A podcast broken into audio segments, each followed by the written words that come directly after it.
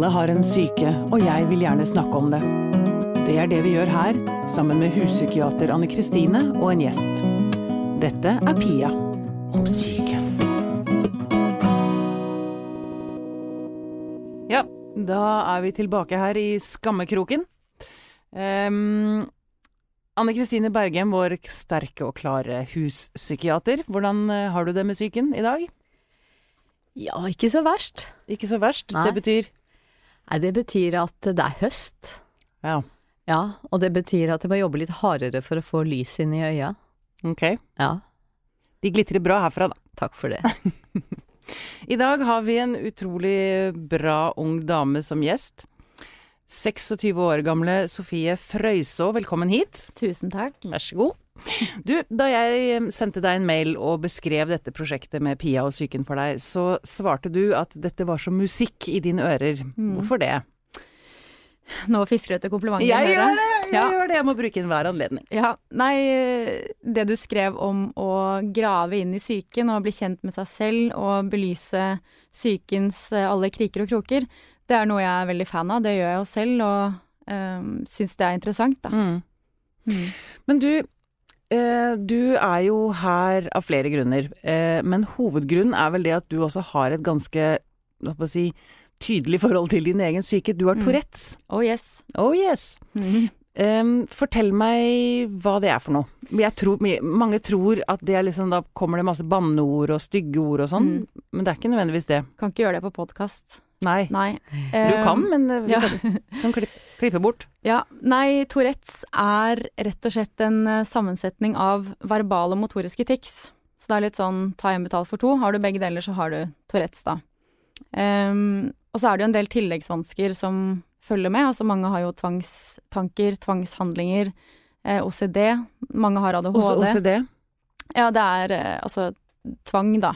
Det er jo egentlig det som er hovedoverskriften. Mm. Eh, men det handler jo først og fremst om tics, da. Eh, og jeg har hatt det hele livet. Altså Eh, sånn at det rykker i ansiktet eller i Ja. armene eller Det er som regel grimaser eller rykninger i ansiktet. Mm. Og så er det man må ha minst ett vokal tikk, da. Og da er det gjerne For min del så er det f.eks. overdreven kremting, eller at jeg anstrenger pusten. Men det er ikke bestemte ord jeg må si. Eh, Så det er veldig få av de som har Tourettes som har så sterk grad at de må si bestemte ord, da. Eksempel banneord, da, som er den største klisjeen. Mm. Det er noen som har det, men det er veldig få. Mm. Eh, Så det vanligste er å ha liksom eh, at det går litt opp og ned. Um, så jeg for eksempel har noen perioder som er gode, og andre som er litt verre, da. Eh, og det varierer med dagsform, hvor mye man har sovet, eh, sånne ting. Stress spiller inn. Men Ja. så for sånn som nå, så Jeg ville jo aldri gjette at du hadde Tourettes, jeg nå. Nei.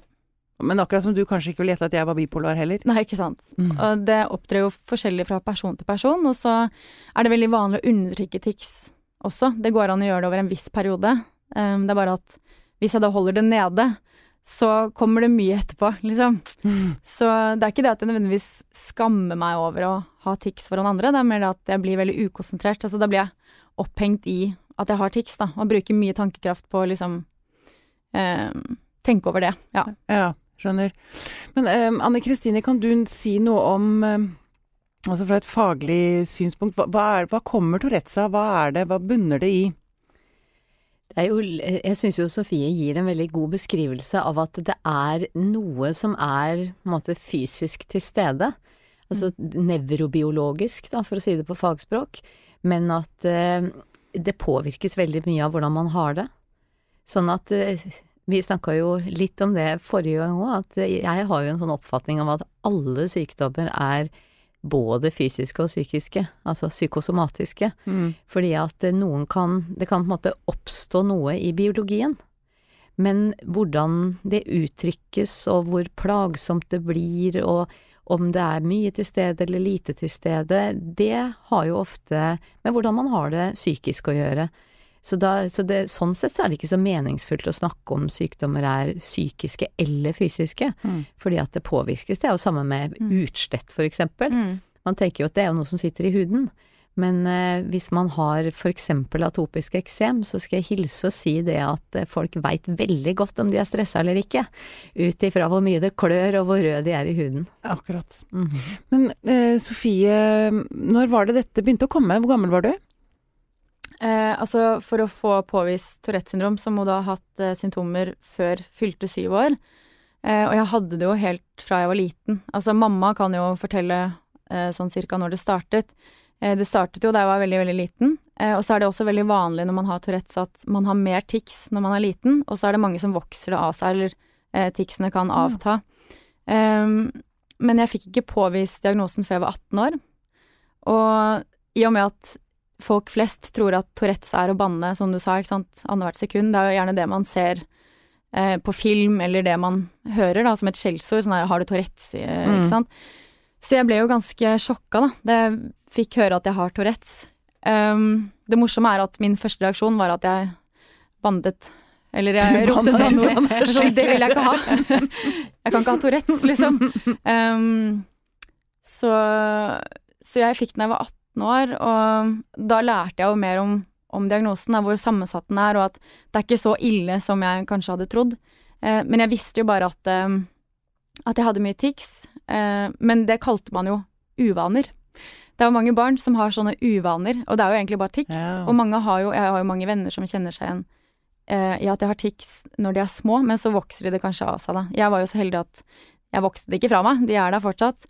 Eh, men jeg hadde jo mer da jeg var liten, Eh, men så er det ofte hvis man sliter og ikke vet helt hva, hva som er årsaken, eller du vet ikke helt hva som er greia, så um, kan man ende opp i en depresjon, da.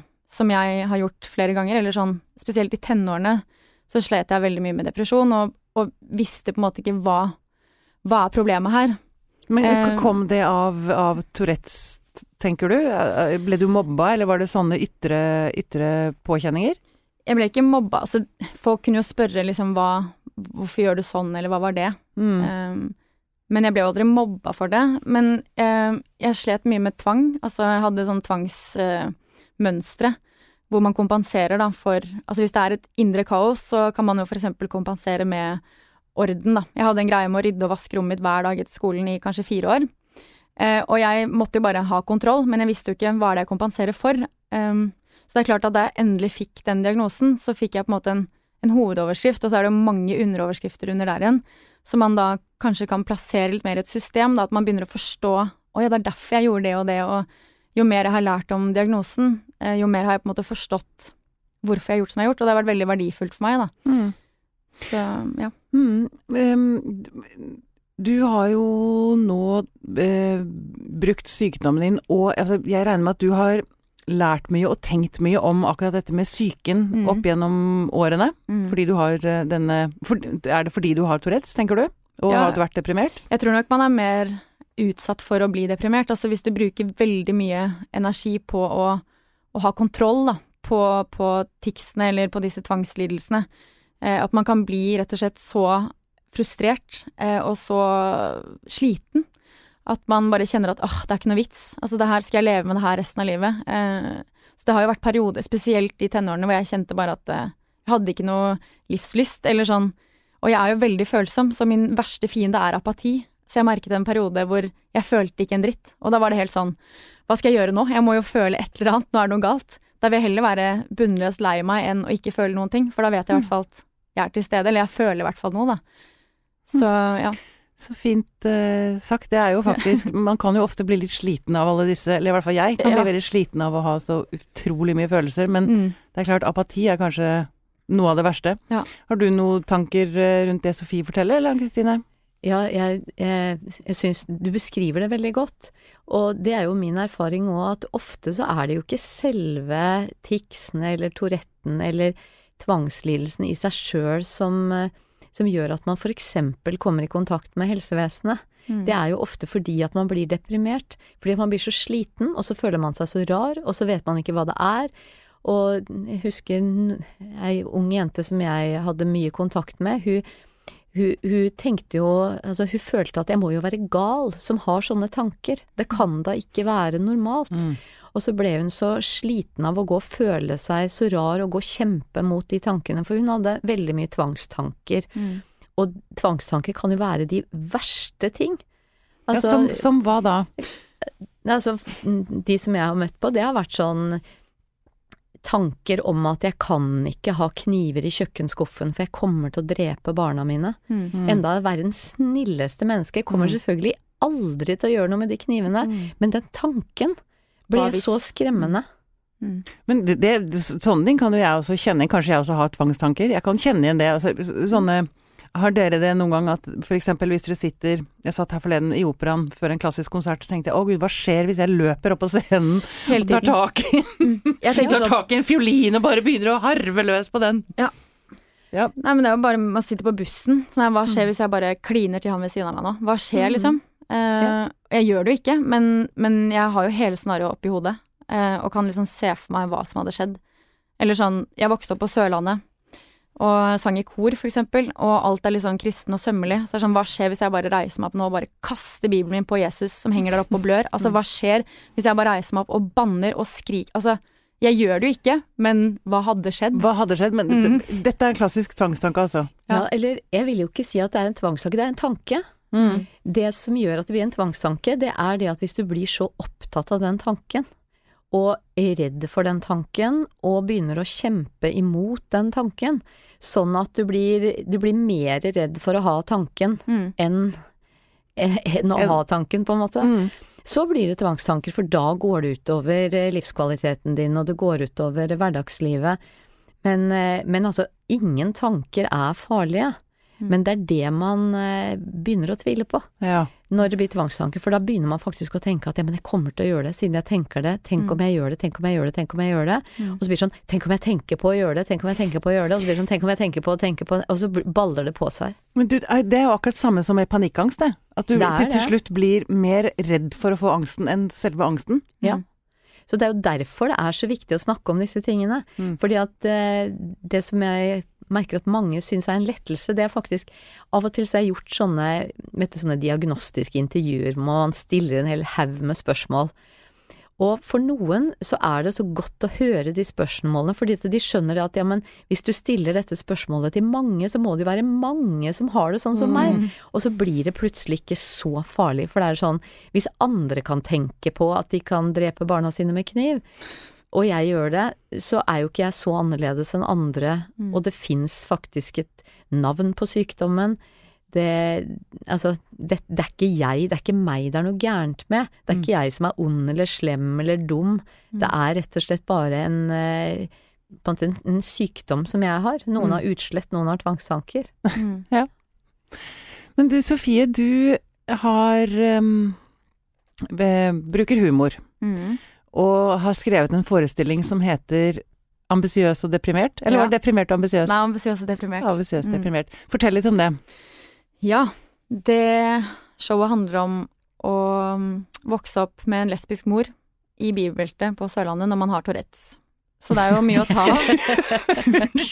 Ja, det er eh, vi, vi liker å skille oss ut i vår familie, da, så det er liksom nok å ta av i den Mm. forestillingen der. Um, nei, ambisiøs og deprimert handler om den dobbeltheten um, med å være deprimert, men fortsatt ha et veldig eksponeringsbehov, eller et oppmerksomhetsbehov, som jeg alltid har hatt. Og det er ikke alltid at um, det å være oppmerksomhetssyk lar seg kombinere med en depresjon, da. Det er ikke alltid så lett når man ikke orker å gå ut av døra.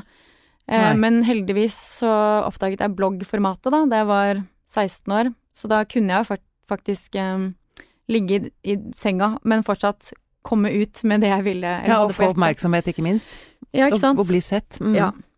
Eh, Så det handler om den, og det handler om den dobbeltheten man gjerne har når man er deprimert og vet hva som skal til, eller sånn du vet hva du burde gjøre, men du orker ikke å gjøre noe med det akkurat i dag. Mm. Eh, og jeg har alltid hatt den dobbeltheten, eller den distansen til egne problemer, helt fra jeg var liten. Så jeg har skrevet dagbok, for eksempel, med distanse, hvor jeg kommenterer meg selv hele tiden, og har en sånn slags ironisk distanse. Eh, og sånn som i min generasjon, eller i samfunnet i dag, så føler jeg at alt er kleint. Eller sånn, man bruker ironisk distanse som en forsvarsmekanisme, sånn som jeg har gjort gjennom hele oppveksten. Så det handler jo om at jeg, jeg vet at nå er du stusslig, Sofie, nå ligger du bare i senga, og du vet at du er ressurssterk, du vet at du er talentfull, men hvorfor bare ligger du der, ikke sant? Det kler deg ikke. Reis deg opp og kle på deg og bare kom ut. Men så Man har jo ikke den, den eh, på, Eller det pågangsmotet, eller den derre du, du trenger bare sånn lite puff, og det eneste, den eneste som kan gi deg det puffet, er deg selv. Så det er den derre hele tiden, den derre kritiske stemmen oppi hodet som Mm. sier sånn at du kan, men du får det jo ikke til. Nå Mm. må du gjøre et eller annet. Altså, Mm. ikke bare ligg der og bli ekkel. Mm. Vi snakket også litt, eller mailet litt om uh, dette med offerrollen, er du Mm. ganske opptatt av. Å Ja. ikke ramle ned i den grøfta, Mm. som kan være en behagelig grøft å ligge i innimellom. Å ja.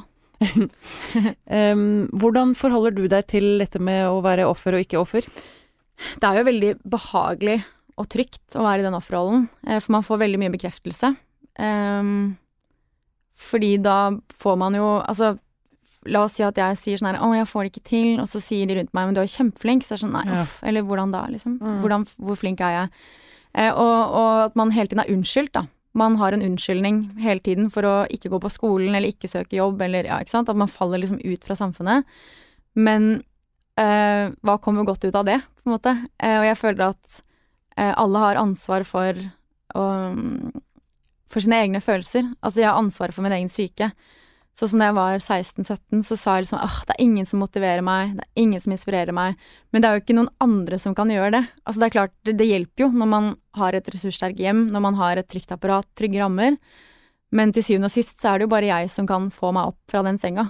Det hjelper ikke om mamma står og drar i meg. Selv om hun gjorde det, så, så hjalp jo ikke det, for jeg ville jo ikke på skolen, eller jeg ville jo ikke ut i livet. Eh, så jeg Det var en stund hvor det var veldig deilig å bare få sånn sydd puter under armene. Men jeg kommer jo ingen vei. Mm. Så for meg er det veldig viktig at en diagnose kan være en, en slags hjelp, eller en, en um, du, du kan lære mer om grep, eller du kan få ulike verktøy til å, å fungere bedre. Men det må aldri være en hvilepute. Mm. Um, så det er sånn, jeg har vært veldig opptatt av å ikke havne i den offerrollen. Jeg tenker heller motsatt. Sånn der, selv om jeg er deprimert, så er jeg pokker så ambisiøs. Eller selv om jeg har Tourettes, så er ikke det en unnskyldning. Jeg må fortsatt ut og fungere på lik linje som, som andre. Og at jeg er ikke Tourettes-Sofie. Jeg er bare Sofie som tilfeldigvis har Tourettes, pluss mange andre ting som jo preger meg. Mm. Eh, så det er liksom Det er sånn Jeg har vært veldig opptatt av, når jeg holdt foredrag for eksempel, at ja, det er kjipt å ha Tourettes, eller det er kjipt å ha psykiske problemer, men bare ikke bli et offer, for da Mm. Hvem er du et offer for, da? Mm. Ja. Det er jeg har jo En av mine store helter i livet er en annen bipolar, nemlig Mm. Stephen Fry. Og han snakker jo om akkurat dette med at folk må se at vi er akkurat som dem, bare med noe ekstra. Ja. Og det jo, du har jo noe ekstra, Mm. uh, og det har jo jeg òg. Mm. men um, det går jo an å Eller som du sier, det er, det er jo veldig inspirerende å høre på det du sier, fordi det er eh, Jeg kjenner jo veldig godt igjen Mm. dette med å sitte og synes synd på seg selv. Mm. Ann Kristine, når du treffer em, pasienter eller folk som slåss, treffer du mange ofre? Det blir litt sånn ledende spørsmål her.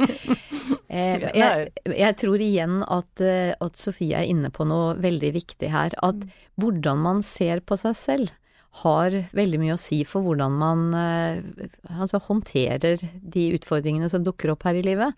Og en kollega av meg, han sier så fint, han sier at vi burde slutte å spørre hverandre hvordan har du det, vi burde spørre hverandre hvordan tar du det for tida? Ja. Hvordan tar du det? For det er jo det det handler om. Altså, livet er jo ikke lett.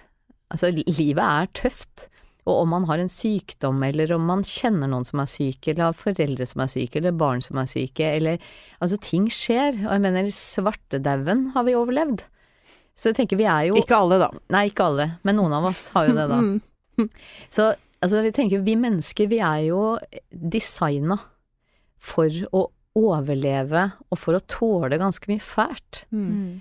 Og det syns jeg kanskje vi har glemt litt. Altså, vi tenker at livet skal være eh, morsomt, hyggelig, stimulerende, og alle sånne reklamer som sier 'because you're worth it'. Mm. Altså, ja, Ja, det er, akkurat det der har jeg Ja. tenkt mye på. Det derre lykkebildet vi blir Nei. presentert for. Og ikke minst, jeg vet ikke om dere altså, Da jeg var liten, så tenkte jeg at bare jeg ble voksen, så var jo, ville jeg jo ha alt på stell. Mm. Det er altså verdens største løgn. Ja, Ja, det er litt motsatt, nesten. Hæ? Man har jo mer ting på stell når man motsatt, er ja, ikke sant? Ja, og, og det å bare Kan vi ikke ta det litt sånn innover oss, og eh, tenke til barn og unge og si det at ja, men altså, det er ikke sånn at livet bare er verdt å leve hvis du danser på roser uten torner og sola alltid skinner. Mm. Altså, det er noe med at de vonde følelsene, smerte, utfordringer, kamp, det er en like viktig del av livet og Mm. gjør kanskje Altså har vel så mye verdi i livet. Mm. Men det er akkurat som vi har, har glemt det. Mm, det er, det er, man, man skal jo liksom ikke helt ha plass til det, fordi man skal være vellykket og lykkelig. Mm. Mm. Å finne seg selv. Og finne seg selv. Mm. Mm. Men eh, Sofie, tenker du at um, det har gitt, denne Tourettesen har gitt deg en ekstra dimensjon? Apropos ledende spørsmål. Ja, unnskyld. Nei, jeg føler ikke Jo, jeg gjør, gjør jo det. Um, absolutt. Jeg har jo lært veldig mye mer av meg selv. Um, og jeg er helt enig i det som har blitt sagt. Uh, og jeg, jeg, er veldig opptatt av hvordan følelser gjerne kommer i tospann. Altså, det å være veldig lei seg betyr jo at du har vært glad. Altså at du har kjent på motsatsen. Mm. Um, eller det å være usikker betyr jo bare at du ønsker å være sikker. Mm. Uh, og at nettopp det med å, å, gå rundt og være glad hele tiden Jeg tenker bare gud, så slitsomt. Altså, man setter jo ekstra pris på å være glad hvis man har vært lei seg.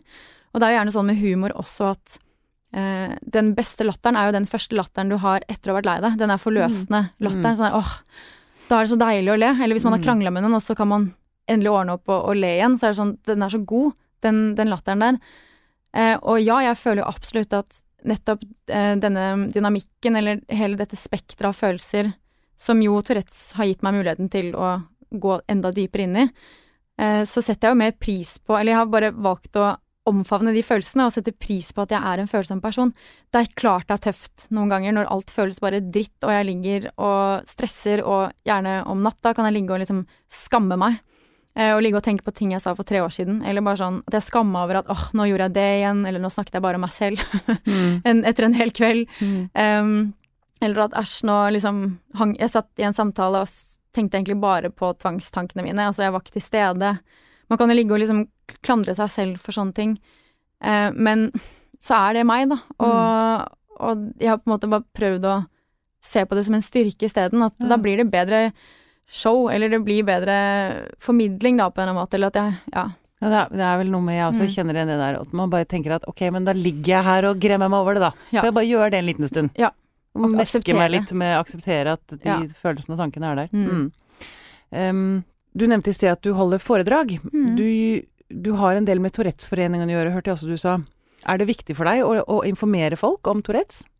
Ja, absolutt. Nå har jeg ikke så mye med det å gjøre nå, men jeg har Altså, jeg hadde en del foredrag før i tiden, men så begynte jeg med standup i, i stedet, eller det er jo egentlig det jeg gjør mest nå. Eh, fordi jeg føler at humor er en veldig god måte å formidle det på, altså et godt virkemiddel. Men absolutt, altså folkeopplysning er kjempeviktig, og jeg tenker at um, jo flere jeg forteller um, hva Tourettes er til, altså at de får greie på hva det egentlig handler om, uh, så kan de igjen fortelle sine venner, og så kan de fortelle sine venner at um, Sånn sett det blir lettere for de som har Tourettes, at du slipper å forklare hver gang at Nei, jeg må ikke banne andre hvert sekund, liksom. Beklager å skuffe deg der hvis du hadde håpa på mer action, men jeg Ja, det er ikke så hokus pokus, altså. Og jeg tenker liksom det, Jeg satt og tenkte på det i stad på, på bussen på vei hit, at jeg syns det er litt sånn ironisk. Eh, folk tør jo ikke å spørre liksom unnskyld når de skal av bussen. De bare sitter og liksom pakker tingene febrilsk og tar på seg jakka bare for å demonstrere at nå skal de snart av. Eh, de, de tør ikke å snu seg rundt og bare sånn unnskyld, jeg skal av her. Mm. Men å spørre noen sånn ja, hvordan er det egentlig å ha Tourettes? Mm. Hva slags tics har du? Mm. Så direkte kan folk være. Ja, hadde du likt det? Nei, men altså, jeg opplever jo at folk er veldig direkte, fordi de er genuint nysgjerrige, og det er jo ikke noe galt i det. Men jeg tenker liksom, i rettferdighetens navn, da er det mange som skulle bevist hva slags issues de har, liksom. Sånn her Å ja, du blir, alt, du blir alltid dumpa, ja. Det syns ikke, liksom. Fortell mer. Altså, det er jo noe med at eh, det, det fascinerer meg, at folk kan være veldig direkte på, på det med psykiske problemer. At man kan spørre liksom rett ut sånn Hvordan er det for deg? Mm. Hvordan er det å være deprimert? Mm. Uh, men å spørre noen du, hva er klokka, det, det tør man ikke. Så det er for meg liksom Det er jo litt Ja.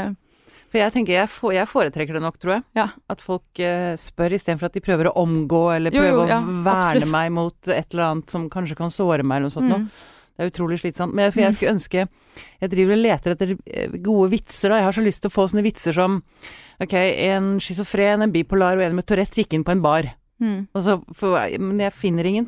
Jeg har en Har du? Ja, eller jeg, jeg snakker om i showet mitt at uh, da jeg fikk Tourettes syndrom eh, hos psykologen min, Mm. så ble jeg litt sånn ok, syndrom, altså hvilke Da er jeg på en måte i samme familie som SARS og Stockholm syndrom, da. Det er liksom oss i Mm. syndromfamilien. Og så satt jeg og tenkte på hvordan er julebordet i syndrombransjen.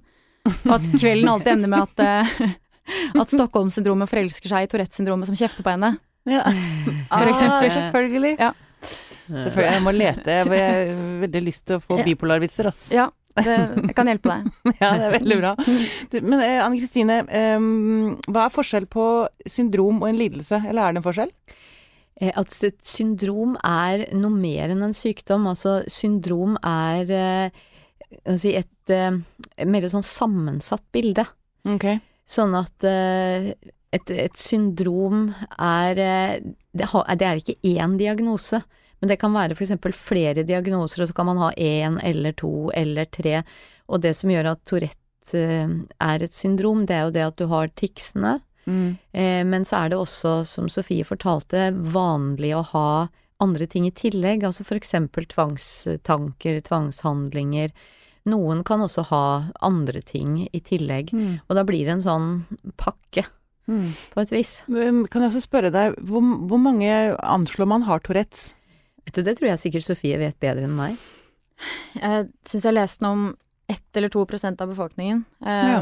Men jeg tror faktisk det er en del mørketall, hvis man kan bruke det uttrykket. For jeg, jeg, altså, hadde ikke jeg uh, slitt så mye da, og gått til psykolog og fått utredet den diagnosen, så hadde jeg jo ikke visst Jeg hadde bare tenkt at jeg har masse tics, jeg. Mm. Og så ikke visst at det er faktisk det Tourettes er. Uh, nå skal det sies at noen har jo tics uten å ha Tourettes, da. Altså mange kan jo få tics f.eks. i, i uh, situasjoner hvor de er stressa eller nervøse. Og bare det å prate om tics kan jo fremkalle tics, Mm. uansett om man har Tourettes. Så for meg er det alltid veldig gøy å snakke om det på scenen. Så ser jeg folk i salen bare 'Å, shit, jeg har Tourettes', liksom. Jeg må gå til legen. Utrolig selvbevisste. Ja. Men uh, jeg tror det er flere enn en, en det som er på en måte vist i statistikken. Uh, for jeg vet jo om mange som Eller mange er kanskje tai, men jeg har jo møtt folk på min vei som jeg tenker denne personen her har jo Tourettes, men det virker ikke som vedkommende er klar over det. Mm.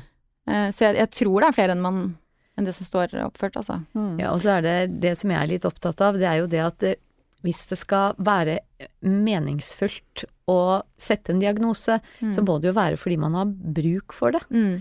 Altså at enten at den som har eh, sykdommen har bruk for å ha et navn på det, og, og liksom finne ut hva, hva er dette for noe, eller at man er i en situasjon hvor man har behov for en eller annen form for hjelp eller støtte eller Mm. rettigheter eller hva det nå er. Mm. Altså det er jo først da det er noe vits i det. Altså Mm. ingen, livet blir jo ikke noe bedre, eller ting forandrer seg jo ikke Nei. bare ved å sette et navn på det, sånn i og for seg. Mm. Men, eh, men vi, har jo et, vi har jo et diagnosesystem fordi at det gjør det litt lettere eh, og hva skal vi si, bidra med hjelp, da. Hvis noen kommer og sier at jeg har sånn og sånn og sånne plager, og så ser vi at ok, det ligner på Tourette. Mm. Og så har vi noen erfaringer på at mange med Tourette syns at det hjelper med sånn, eller hjelper med sånn, og, og vi kan samle kunnskap, da. Så det er jo egentlig det er jo det som er poenget med diagnoser. Mm. Mm. Så at mange går rundt og har plager uten å ha en diagnose, det tenker jeg at ja, det, sånn skal det være.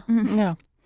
Eh, Sofie, hvis du eh, skulle si noe til andre unge som er annerledes på en eller annen måte, som har, om Mm. det er en psykisk lidelse eller noe annet, hva, hva ville det vært?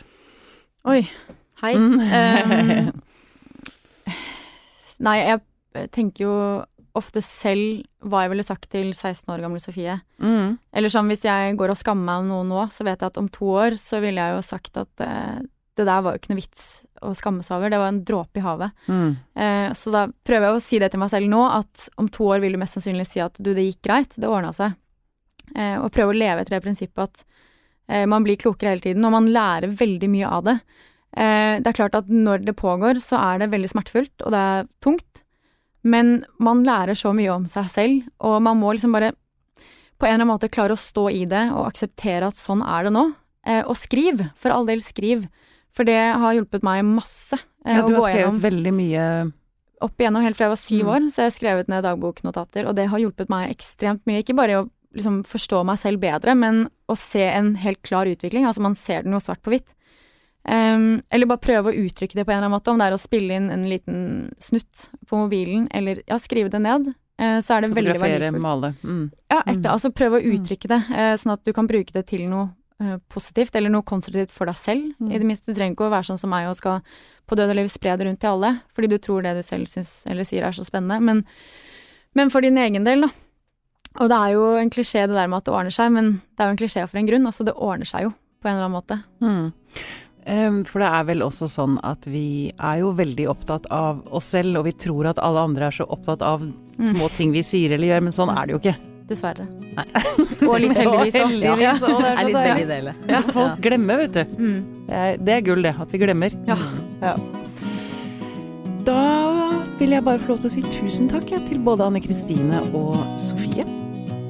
I like måte. Takk selv. Denne Podkasten er produsert av Tid og Lyst.